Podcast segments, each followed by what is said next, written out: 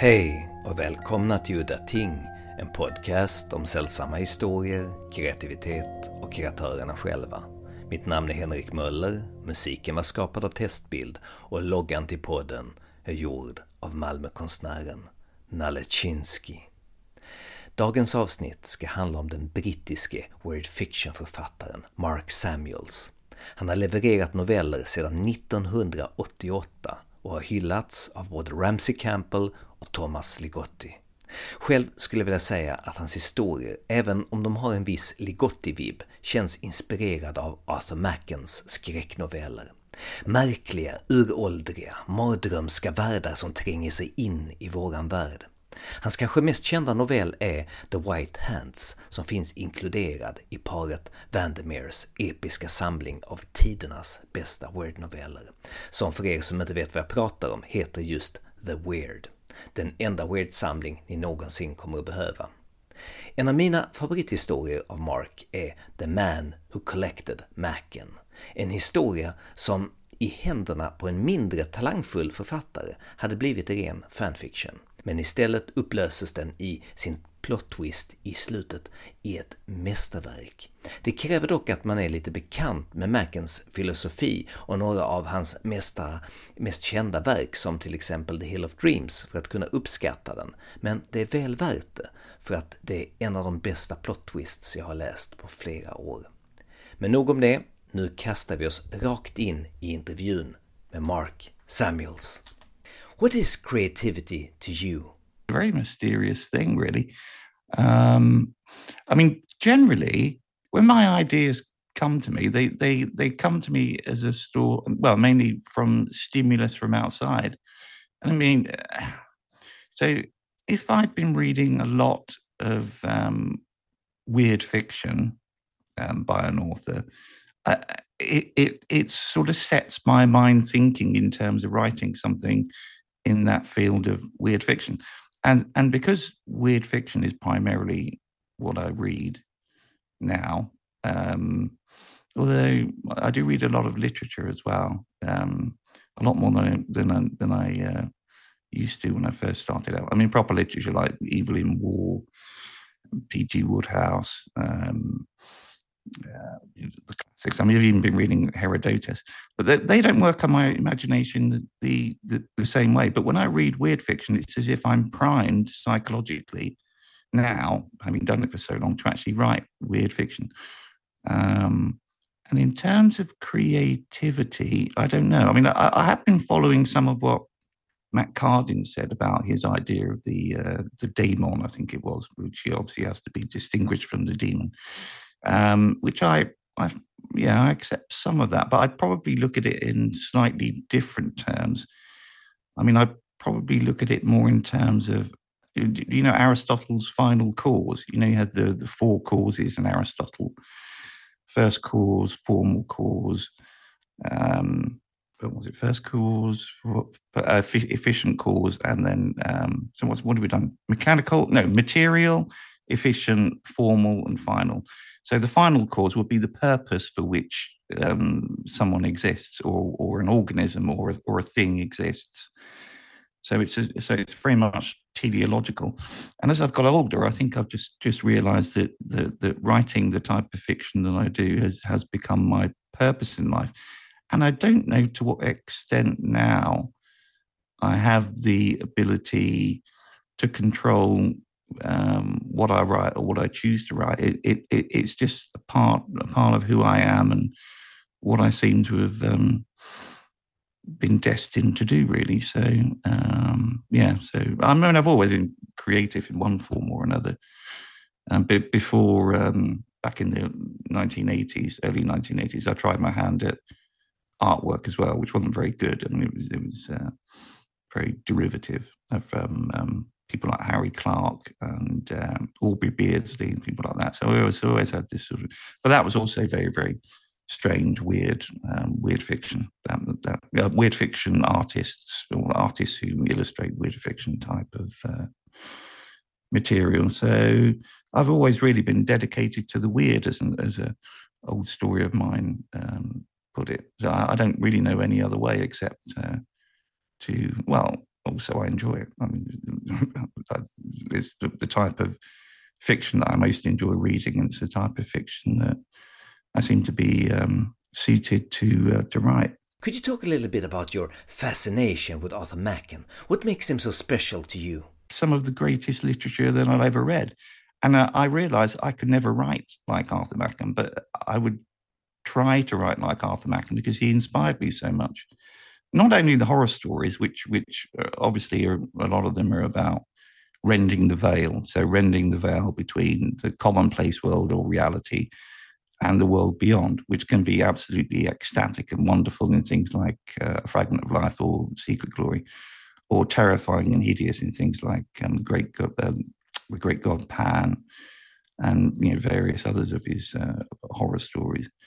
Um, so uh, Machen described his his work as um, being a withdrawal from the commonplace. there's a famous treatise of his, which is read called Hieroglyphics, which I'm sure you know, um, wherein he he describes the um, touchstone of literature being um, ecstasy, whether it generates this feeling of ecstasy in the uh, in the reader, and certainly all of his work did did that with me.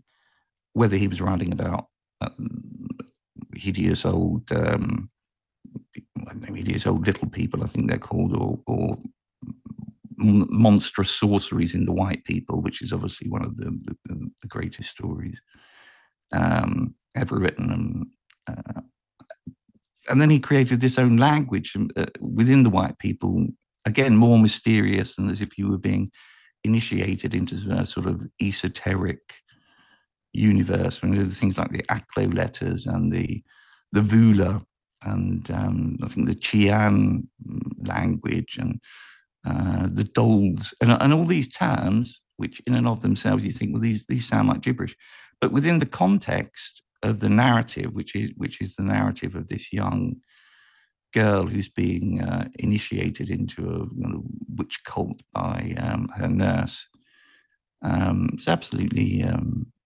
amazing. So um, I don't know. I, I sort of there's um, there's a something that Lovecraft said about he he he read um, only read two pages of Dunsany and I became a, um, a devotee for life, and that was really very similar with me. So I'd read after only a few pages of reading Mac, and I suddenly thought, well, um, this is this is somebody that I must uh, must learn more about and find out more about, and just you know, try and read as much of his uh, work as possible and study it. Came to him via Lovecraft, as, as most people did. Um, but the first book of his that I ever read, funnily enough, was a book called The London Adventure, and I was living in London at the time. So it, it, effectively, it's not one of the horror stories or the spiritual, mystical spiritual stories. Or it's um, it's just a discursive account of various ideas that come to him, um, whilst effectively wandering around London. I mean, it, it's called The London Adventure, and the subtitle is all, all the Art of Wandering. So, having read this book, there are lots and lots of references in in the book to all sorts of things that Machen wrote, Great God Pan and um, Fragment of Life, and um, you know all, all all, all the other material. And I and I, I found these these um, these references really really enticing because I knew nothing about them, and yet the way that Machen wrote, it it it, it was as if you'd entered into some some secret society. And thereafter, I thought, well, I've got to, you know, I've, I've got to find these books and I've got to track them down. So gradually, I began tracking down Machen's uh, Machen's books, um, and then I was just astonished at, uh, at, at the power of the, the, the writing and the vision and the um, yeah, I was absolutely amazed. So I became a Machen devotee, joined the old Arthur Machen Society. Could you talk a little bit about the backstory to the man who collected Machen? Effectively, when I was writing that story, I had quite a large collection of um, Machen items, um, which I'd acquired over the years.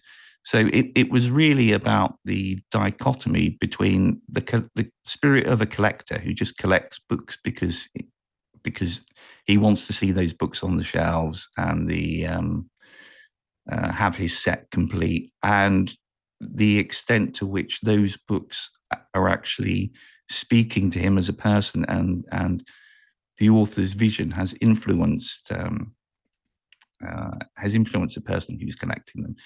So that was really the the the essence of that story, and it starts off with it starts off in in the manner of um, the collector, who's obviously quite a sinister collector, Condor, I think his name is, um, who tries to initiate somebody into this sort of the Lost Club, which, which is a, um, a, story by 1890 story by Machen, and then the chap visits him, and then there's a sinister encounter, and the, and this Condor has the has an almost complete collection of Machen, but it's only when the chap leaves and he wanders off and he loses himself in London that he recognizes that Machen's vision wasn't sort of an um, materialist or acquisitive vision, it was a spiritual vision. And he found that in the streets and lost himself, and then had that had the revelation at the end about the uh, antiquity of London and the continuity of um, continuity of that sense of ecstasy, reaching right the way back through through the ages, I suppose. Really, it's a story for Machenites. It's a story for Machen aficionados. I know people who have read it who don't who know nothing about Machen and, and they have no well what's this mm, you know they're not interested in the story whatsoever so effectively it was a love letter to to fellow um, fellow devotees of um, the work of Arthur Machen and there are all sorts of in references in in in the um, in the story to all sorts of sort of rarities that are impossible to find. things like the um, the book he wrote about his um, time as a, a, journalist when he was working for the London Evening News, which, which uh, was submitted to a publisher, but the, the manuscript publisher never found it again. But the actual manuscript was in the hands of uh, a friend of his whose um, whose boat was sank. He was crossing the Atlantic, and the original manuscript went down with him. Um, I think it was Confessions of a Fleet Street Journalist or something like that, um, which would have been really interesting to read, but that's that's lost forever. And uh, also the other book I mentioned in there, which which apparently was extant, he he made mention of keeping um, diaries at Clarendon Road at the time of um, his uh, great uh, poverty in the 1880s, and which are called the Clarendon Road Diaries. But all of these references would would mean absolutely nothing to somebody who wasn't um, deeply immersed in Machen's work. But for people who were deeply immersed in Machen's work, yeah, it's like little, what do they call the Americans call it? Easter eggs, little Easter eggs where people go, oh, I know, I get this reference, and then you think, oh, that's yeah. So, but yeah, and it was reasonably by Machenites. I think a lot of Machenites were um, somewhat concerned that they were uh, being regarded as more like Nicholas Condor than the narrator. So, which, which I had to assure um, I had to assure one or two that it wasn't based really on a on a on a real person, but it's a sort of composite in the way that you, you know, put people together. Do you have a story that has a basis in real life? One I can think of in particular, but I can't go into too in, into sort of personal details. But one one in particular was uh, a story called Glyphotech, which was um, the, the title story of my second collection, Glyphotech and Other Macabre Processes. And Glyphotech was um, um, specifically about a, I can't name the organization because they're quite litigious, um, but specifically about a sort of uh, um, human potential movement. So, a human potential movement which seeks to break people down to their component parts and then rebuild them up and do away with all of their various neuroses and problems. And it specifically centers on the idea that, that, that there aren't really problems out in the real world, all the problems are within yourself. So, which sounds, you know, sometimes that can be true. But, but the organization, which I called Glyphotech, to um, for obvious reasons. Oh, it's certainly modeled on this organization, not entirely. But um, it primarily was a means of making money. So the the process, the process of, of your realization or integration or whatever way you want to put it, was never ending. there, there, were people who would be on these courses indefinitely, and gradually all their money would disappear from their bank account. And and the point was that the way that the thing worked was that you would encourage other people to join I'll, I'll, call it Glyphotech. Okay, it's probably easier. so it would encourage other people to join Glyphotech, so the whole thing would spread. You know, so and um, once you completed the first stage of the course, you were encouraged to telephone somebody with whom you felt great affinity, but who you felt you'd wronged, and encouraged them to come along to um, one of these courses.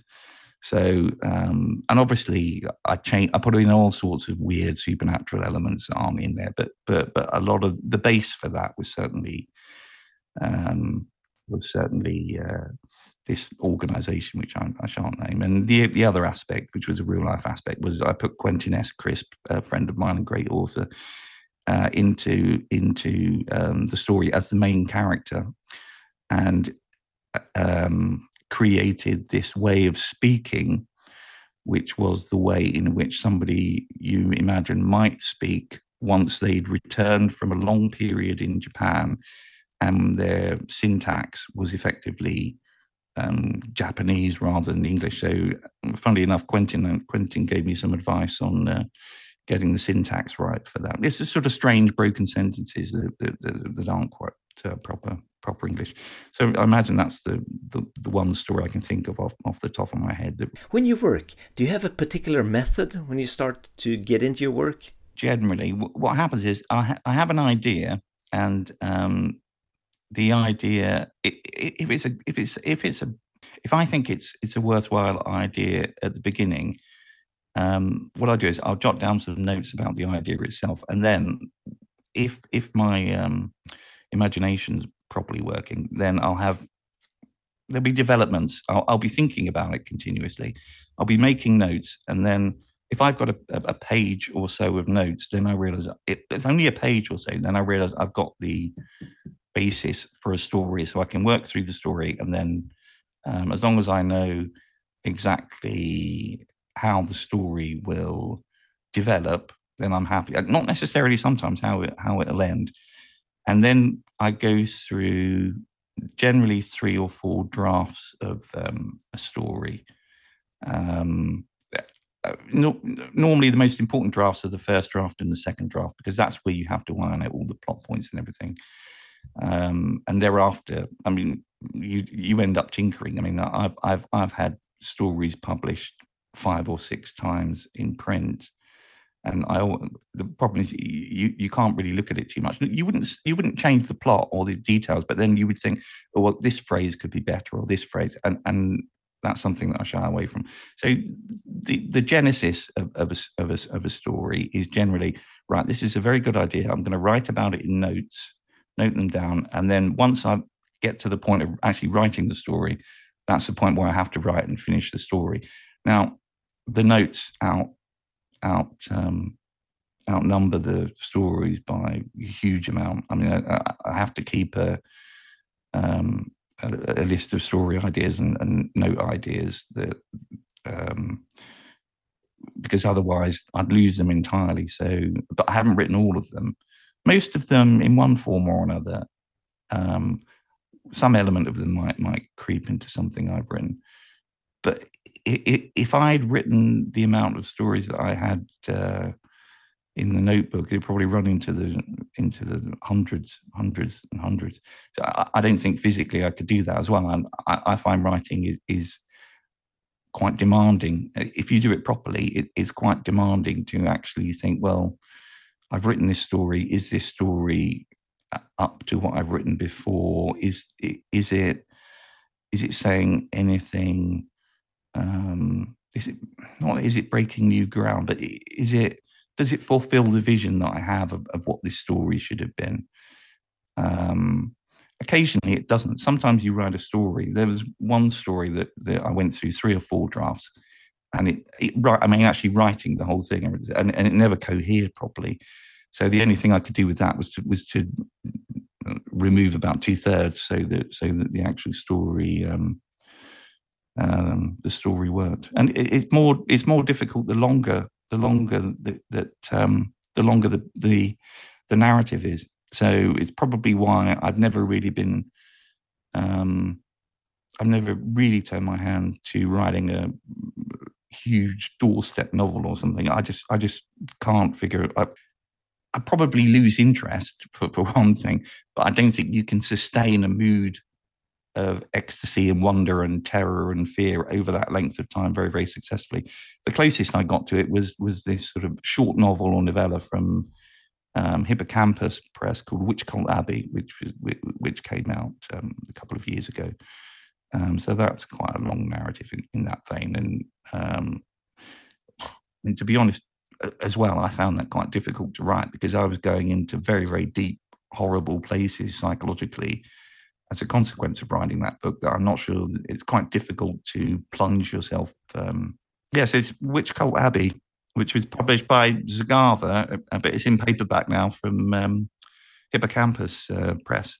So yeah, yeah, Witch Cult Abbey, but it's it's absolutely horrible, um, and it and it draws upon a lot of the earlier stories. So from the uh, six books or collections, it refers back to certain things. And there's a there's a you've read the White Hands, if you specifically centers around um, the White Hands, that that the book, the White Hands, and the female uh, protagonist, or the, she's actually off stage in the White Hands, but the author uh, authoress um, Lilith Blake, and it's about um, the influence that she has over people's dreams and how she came to um, not how she came to be what she is, but her family background and um, yeah, so so that is quite um, uh, yeah, it's not an expansion of the White Hands because it also draws on on some of the other stories in the White Hands and Glyphotech, and it doesn't mention Glyphotech, but, but yeah, so Witch Cult Abbey, but uh, it was tough to write, and uh, in a way, I've, I've, I've got to the stage where I find it quite hard hard to write to to write something um, longer. So I mean, up up to about twenty after about twenty thousand words, then I'm I'm I'm struggling uh, struggling these days. So. Um, although having said that, a lot of people do actually say that I shouldn't bother to write anything after twenty thousand words because my best work is my short fiction, and I'd be well advised to stick to short fiction if you look at, um, I don't know if you had the horror boom in the um, in Sweden that we had uh, in the UK and the United States during the uh, 1980s. But but when you look at some of those those books that, that were turned out you know, in vast quantities, um, they, they, were just written um, for pure entertainment and to make money. So the authors who they're forgotten now, most of them, that horror boom in the 70s, and yet they were in all the bookshelves and they were flying off the shelves and selling in, in quite large quantities, but they haven't survived. So um, I think there's there's a continuum of, of serious authors of weird fiction who who aren't really as interested in commercial success as, as perhaps authors um, should be. And now, finally, do you have any recommendations for the listeners of sort of hidden gems of weird fiction? Um, I made a. I've got a list here. Um, I was pre-warned, obviously. Um, so I have. I have. I actually have ten. Some of them would be more obscure than others. Some of them you, you might you might have heard of. Um, probably the one which you would have heard of is um, "In the Pines" by Karl Edward Wagner. I think the setting is absolutely fascinating. So it, it's in the middle of um, Karl Edward Wagner's um, home county, which I suppose was uh, not uh, must be Tennessee or something, um, or state rather, isn't it? They say. And uh, it, it's set in this lonely cabin up on the hills, and it's surrounded by the pines. So you've got this sort of Blackwood Machen vibe going on, and you've also got the um, uh, a writer uh, who whose work has stalled, and he's um, not getting on with his wife, and then he finds this picture of a former woman who was there and wanders in the pine, and then he gets drawn to his dream. I won't give, I won't give uh, too much away. So that anyway, that that whole theme fascinated me. Um, but seeing as I've got nine to go through, I have to be quick. Men Without Bones, Gerald Kersh. You, um, Men Without, yeah, Men Without Bones, Gerald Kersh. Gerald Kersh was was a very famous uh, writer in the 1940s, not for his uh, horror or science fiction or weird or, or um, ghost ghost fiction. But Men Without Bones is um, a story set in the jungle in somewhere I can't remember the country in Southeast Asia, and there's a uh, alien alien um, um, spacecraft which is supposed to have landed in the jungle millennia ago I mean, probably more than that, millions of years ago. And this chap goes in search of um, the uh, remains of the um, of uh, of the spacecraft, and he keeps encountering these very strange uh, creatures, uh, hence the, the name Men Without Bones, who sort of jelly, jellyish, hideous, creeping around the trees, and they they seem utterly um, horrible. And then uh, story goes down, and then there's a big surprise at the end, big twist. Um, which, which I won't reveal because it will spoil it entirely. But there's a big there's a big twist, and it's been used since, for example, by Nigel Kneale from the Isle of Man, but the, the famous science fiction writer Quatermass and the Pit. Anyway, I've probably given the whole I've given the whole game away now, I'm afraid. But yeah, so I suspect that he used that. Um, the Crawling Horror. Do you know The Crawling Horror by Thorpe McCluskey? Well, The Crawling Horror by Thorpe McCluskey is claimed by some people uh, quite reasonably. I think Karl Edward Wagner at first uh, first claimed it to be one of the sources for T.E.D. Klein's uh, famous story, The Events at Poroth Farm. I've always meant to ask him about that. It's a similar setting in a farmhouse, and uh, this slime creature begins to take over the animals and then take over the um, uh, his his wife, and then it sort of builds to a crescendo. And uh, it's it's quite an interesting book. I don't know how how worthwhile his other fiction is, but it's been brought out in a quite cheap edition, which I ordered over over Amazon actually just recently. In a in a um, volume, it contains another story I wanted to read called "The Lamia of the Penthouse" um, by Armchair. I can't remember what the name is. Armchair Books or something in, in the United States, and it's quite cheap, but it's got all of his um, horror and, and um, uh, pulp fiction. So that might be interesting. I don't know. It, it's turning up tomorrow, so I don't know whether I can recommend any any more of Thorpe McCluskey beyond the crawling horror until I've read the rest.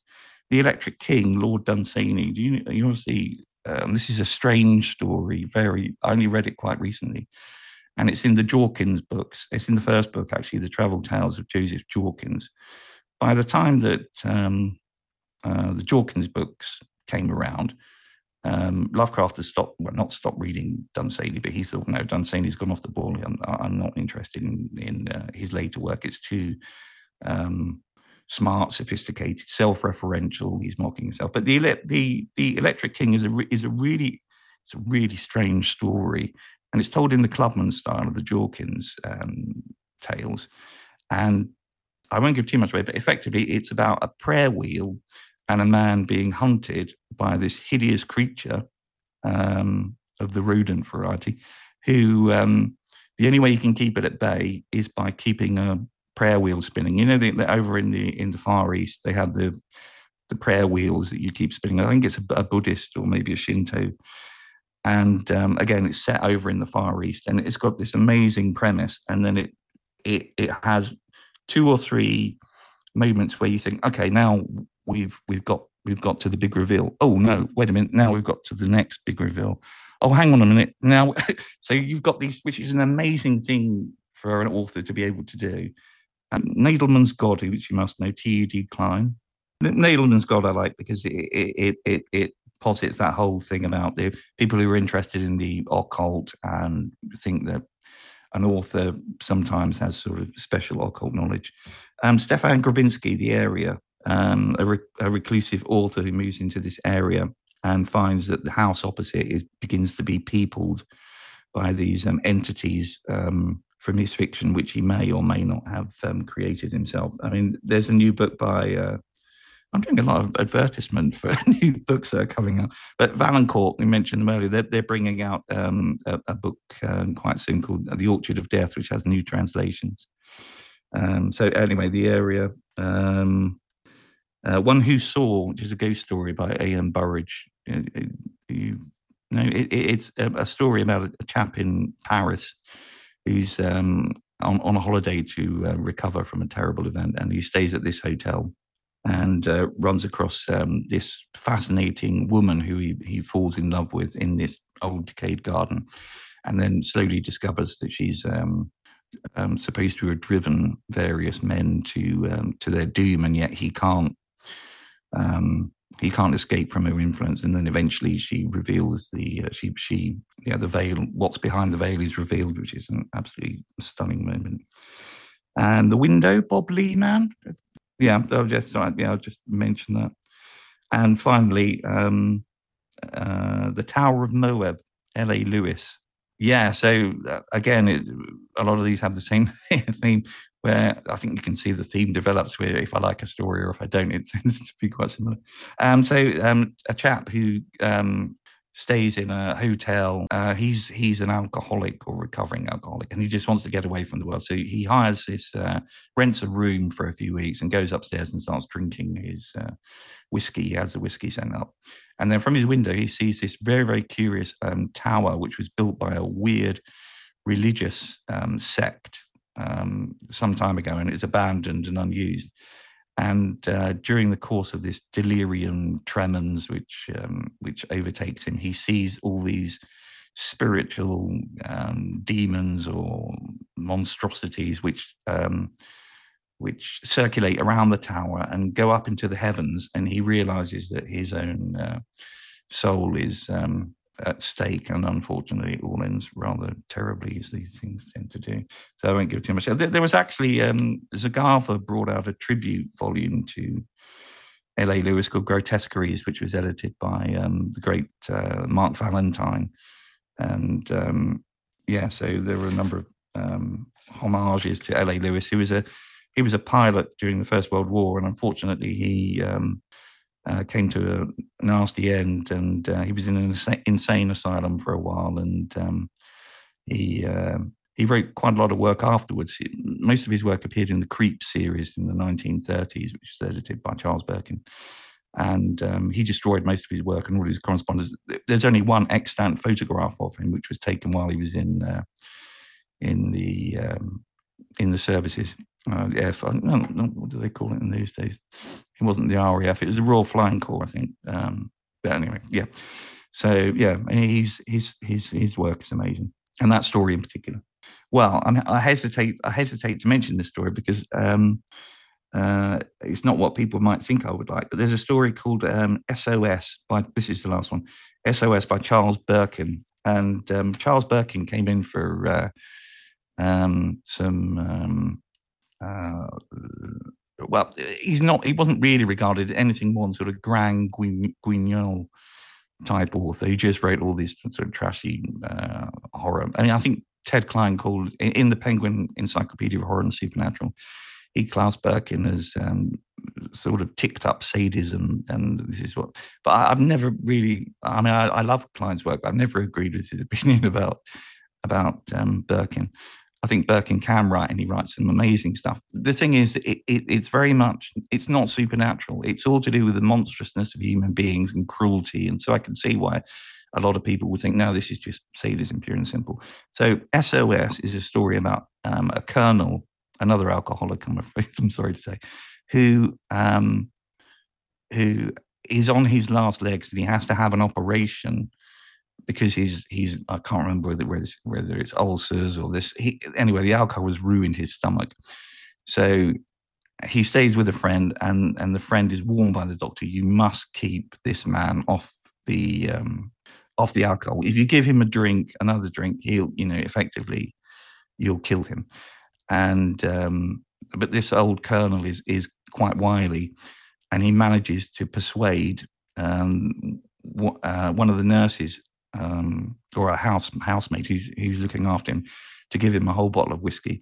So after he has the whole bottle of whiskey, he thinks he's being attacked by these monstrous snakes in his bed.